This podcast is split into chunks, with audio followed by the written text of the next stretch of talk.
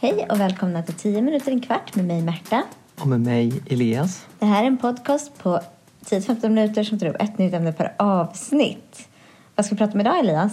Jo, idag ska vi tala om något sagolikt magiskt skulle man kunna säga.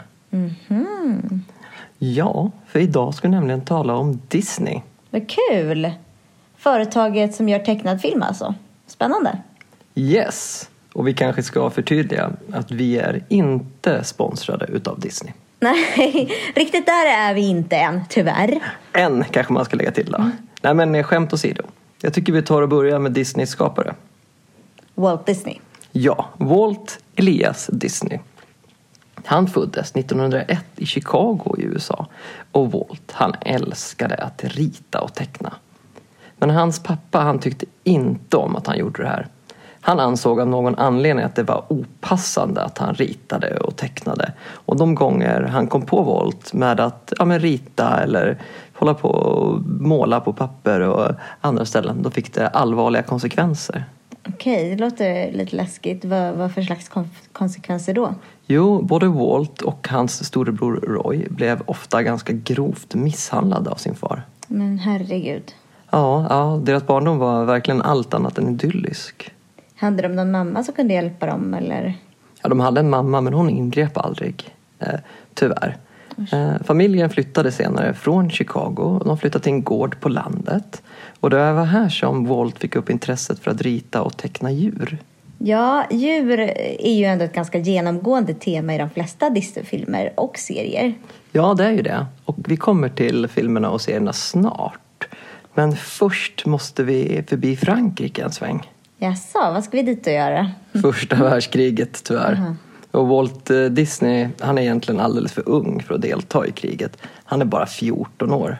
Men eh, han ska bestämt med. Så han förfalskar sin legitimation och så tar han värvning som ambulansförare. Som 14-åring, får man göra så? Det låter ju verkligen livsfarligt. Ja, alltså det är direkt eh, livsfarligt. Och nej, man får inte göra så här. Men jag tror att de inte var så noga. Och dessutom så, ja, de behövde ju folk. Ja, det är ju sant. Det gick ju åt ganska många människoliv om man säger så. Verkligen. Men 1919 är kriget slut och Walt återvänder till USA. Och nu börjar han äntligen göra film. Äntligen. Ja, verkligen. Han tar jobb på en firma som sysslar med reklamfilmer. Tecknade reklamfilmer dessutom. Och även hans bror börjar jobba här. Och på den här firman träffar han också en man som heter Oob Iwerks. Och eh, han, den här Oob Iwerks kommer följa honom som en kompanjon genom hela livet. Och även hans bror Roy kommer göra det. Mhm, Så det var så det startade. Och var låg det här företaget? Det låg i Kansas och Walt blev riktigt inspirerad av allt han lärde sig om animation. Så 1922 startade han ett eget företag som skulle syssla med film. Och det var det företaget som vi känner som Disney, eller? Nej, det var det inte. Det här var ett företag som hette Laugh O'Gram Studios. Men tyvärr så gick det i konkurs redan ett år efter de startade. Ingen solskenshistoria direkt. Men han gav ju inte upp för det, eller hur? Nej, verkligen inte.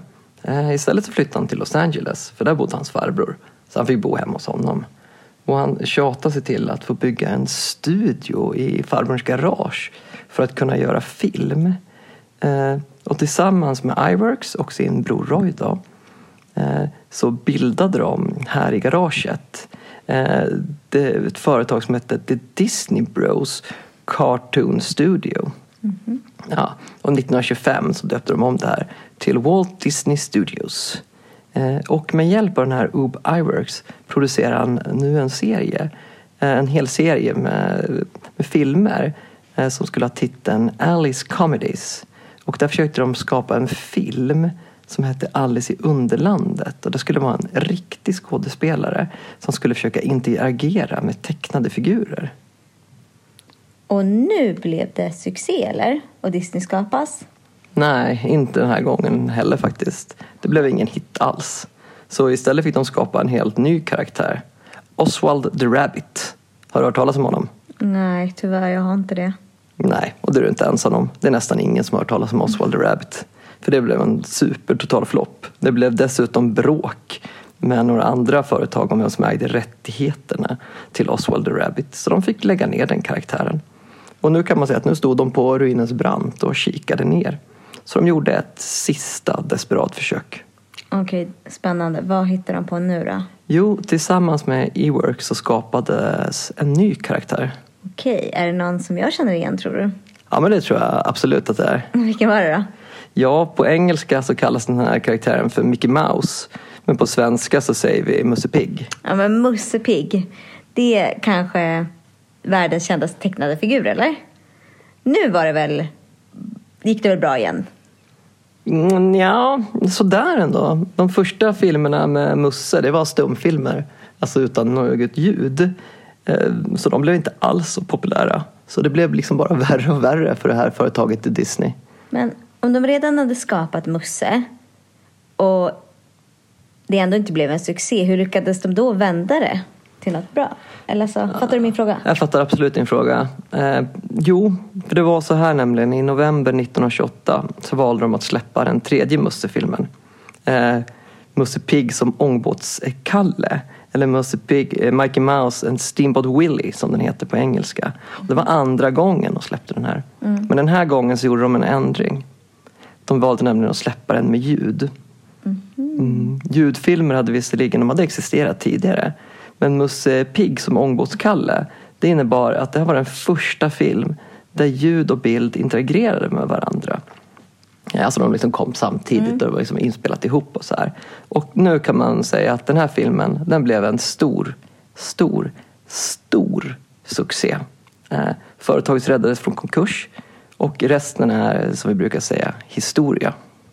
Verkligen, för idag är väl företaget jätte, jätte, jättestort.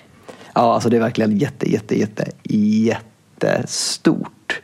Eh, Disney som vi känner idag, man har ju skapat karaktärer som Kalle, Mimmi, Långben, Pluto, Knattarna, Farbror Joakim, Frost. Det är liksom bara, du kan räkna på hur många karaktärer som helst.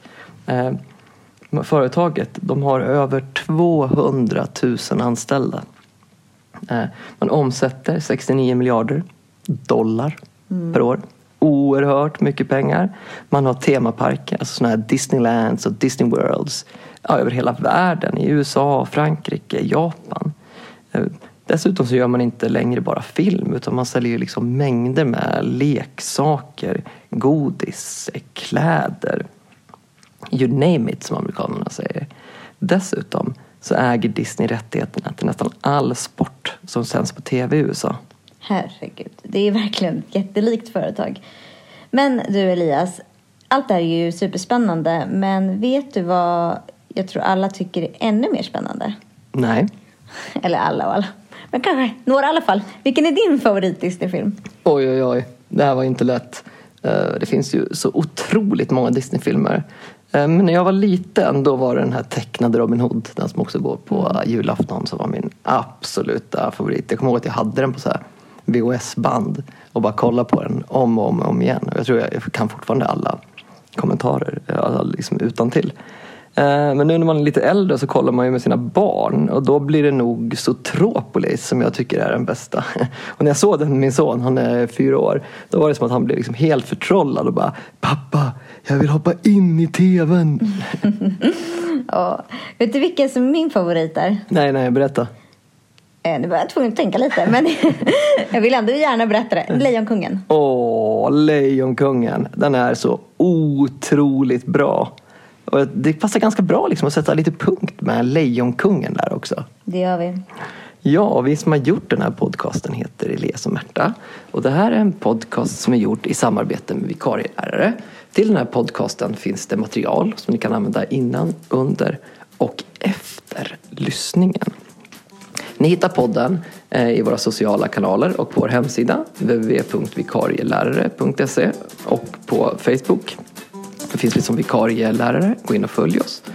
Eh, gilla oss och på Instagram finns vi som vikarielärare, gå in och följ oss där. Eh, på vår hemsida så finns det jättemycket material som jag tycker ni ska spana in. Ha det så bra, hej då!